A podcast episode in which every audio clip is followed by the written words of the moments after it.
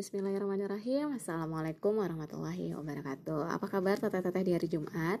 Semoga tetap semangat Apalagi dalam hitungan hari kita akan bertemu dengan bulan yang penuh rahmat. Gak kerasa ternyata sudah hari Jumat Ketemu lagi dengan program Bincang PS Mau ikutan bertanya dan berbagi ya teh ya? Nah, berbicara tentang suara, beberapa orang bilang bahwa suara saya termasuk yang lembut.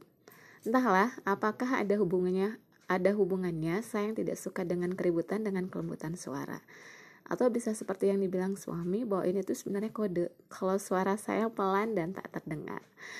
Hmm, laki-laki memang suka jujur kalau ngomong ya. kalau menurut tata-tata gimana tentang suara saya?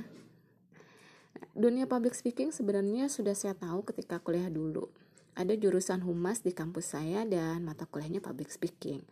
Sayangnya saya tidak bisa mengenal dan mendalami lebih jauh mata kuliah tersebut karena jurusan yang saya ambil adalah jurusan jurnalistik dan tidak ada mata kuliah public speaking. Nah, balik lagi ke tema tentang voice in public speaking.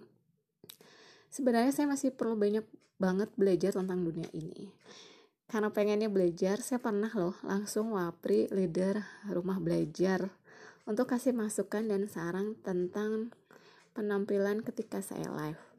Waktu itu saya live menjadi moderator di acara Magnificent Seven.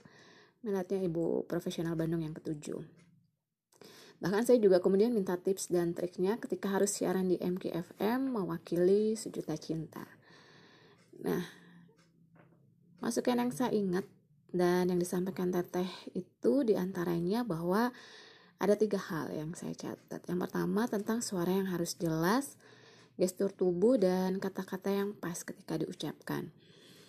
Dari sini bisa saya simpulkan bahwa ketika live memang suara harus jelas. Jadi audiens bisa langsung mendengar dan memahami apa yang disampaikan oleh narasumber atau yang sedang berbicara di audiens tidak menebak atau menerka-nerka. Ini maksudnya apa ya? Atau ini arahnya ke mana ya? Gitu. Maka ketika live suara itu harus terjel harus terdengar jelas. Kalau suara saya saat ini terdengar jelas nggak sih teh? Nah kemudian hal lainnya adalah kontak mata. Nah ini penting kalau live-nya mungkin di medsos ya. Seperti Facebook, YouTube gitu. Jadi mata itu langsung melihat ke kamera seakan-akan audiens itu hadir di depan kita. Nah, kalau podcast saya belum tahu nih arah matanya ke mana. Apa harus ke handphone atau media yang kita pakai atau lurus ke depan melihat pemandangan yang ada di depan mata? Mungkin tanda-tanda yang bisa bantu memberikan jawaban. Nah, saya tunggu jawabannya. Kontak tentang kontak mata ini juga sebenarnya masih jadi catatan dan saya masih harus banyak belajar bagaimana mata ini bisa terus melihat kamera ketika live karena beberapa kali live saya termasuk yang malu-malu gitu ya. Seringnya gudul basar menahan pandangan jadi ngeliatnya ke bawah. Selain suara dan bahasa tubuh kayaknya penting juga buat kita. Uh, saya maksudnya untuk sering-sering baca.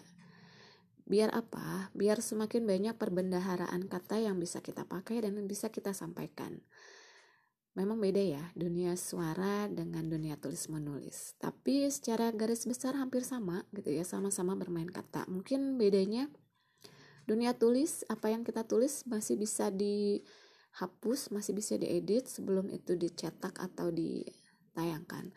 Berbeda ketika kita live ya menyampaikan sesuatu secara langsung melalui suara apa yang sudah kita sampaikan tidak bisa kita tarik ulang gitu atau mungkin diedit Berbeda kalau mungkin masih pakai media seperti podcast gitu ya. Tapi kalau live langsung di media itu tidak bisa. Jadi hati-hati dengan kata. Nah, demikian tata-tata yang bisa saya sampaikan. Jawaban, masukan atau ada hal yang ingin didiskusikan boleh banget disampaikan di WhatsApp group. Terima kasih atas perhatian dan kerja kesempatannya. Mohon maaf kalau ada kesalahan. Wassalamualaikum warahmatullahi wabarakatuh. Thank you.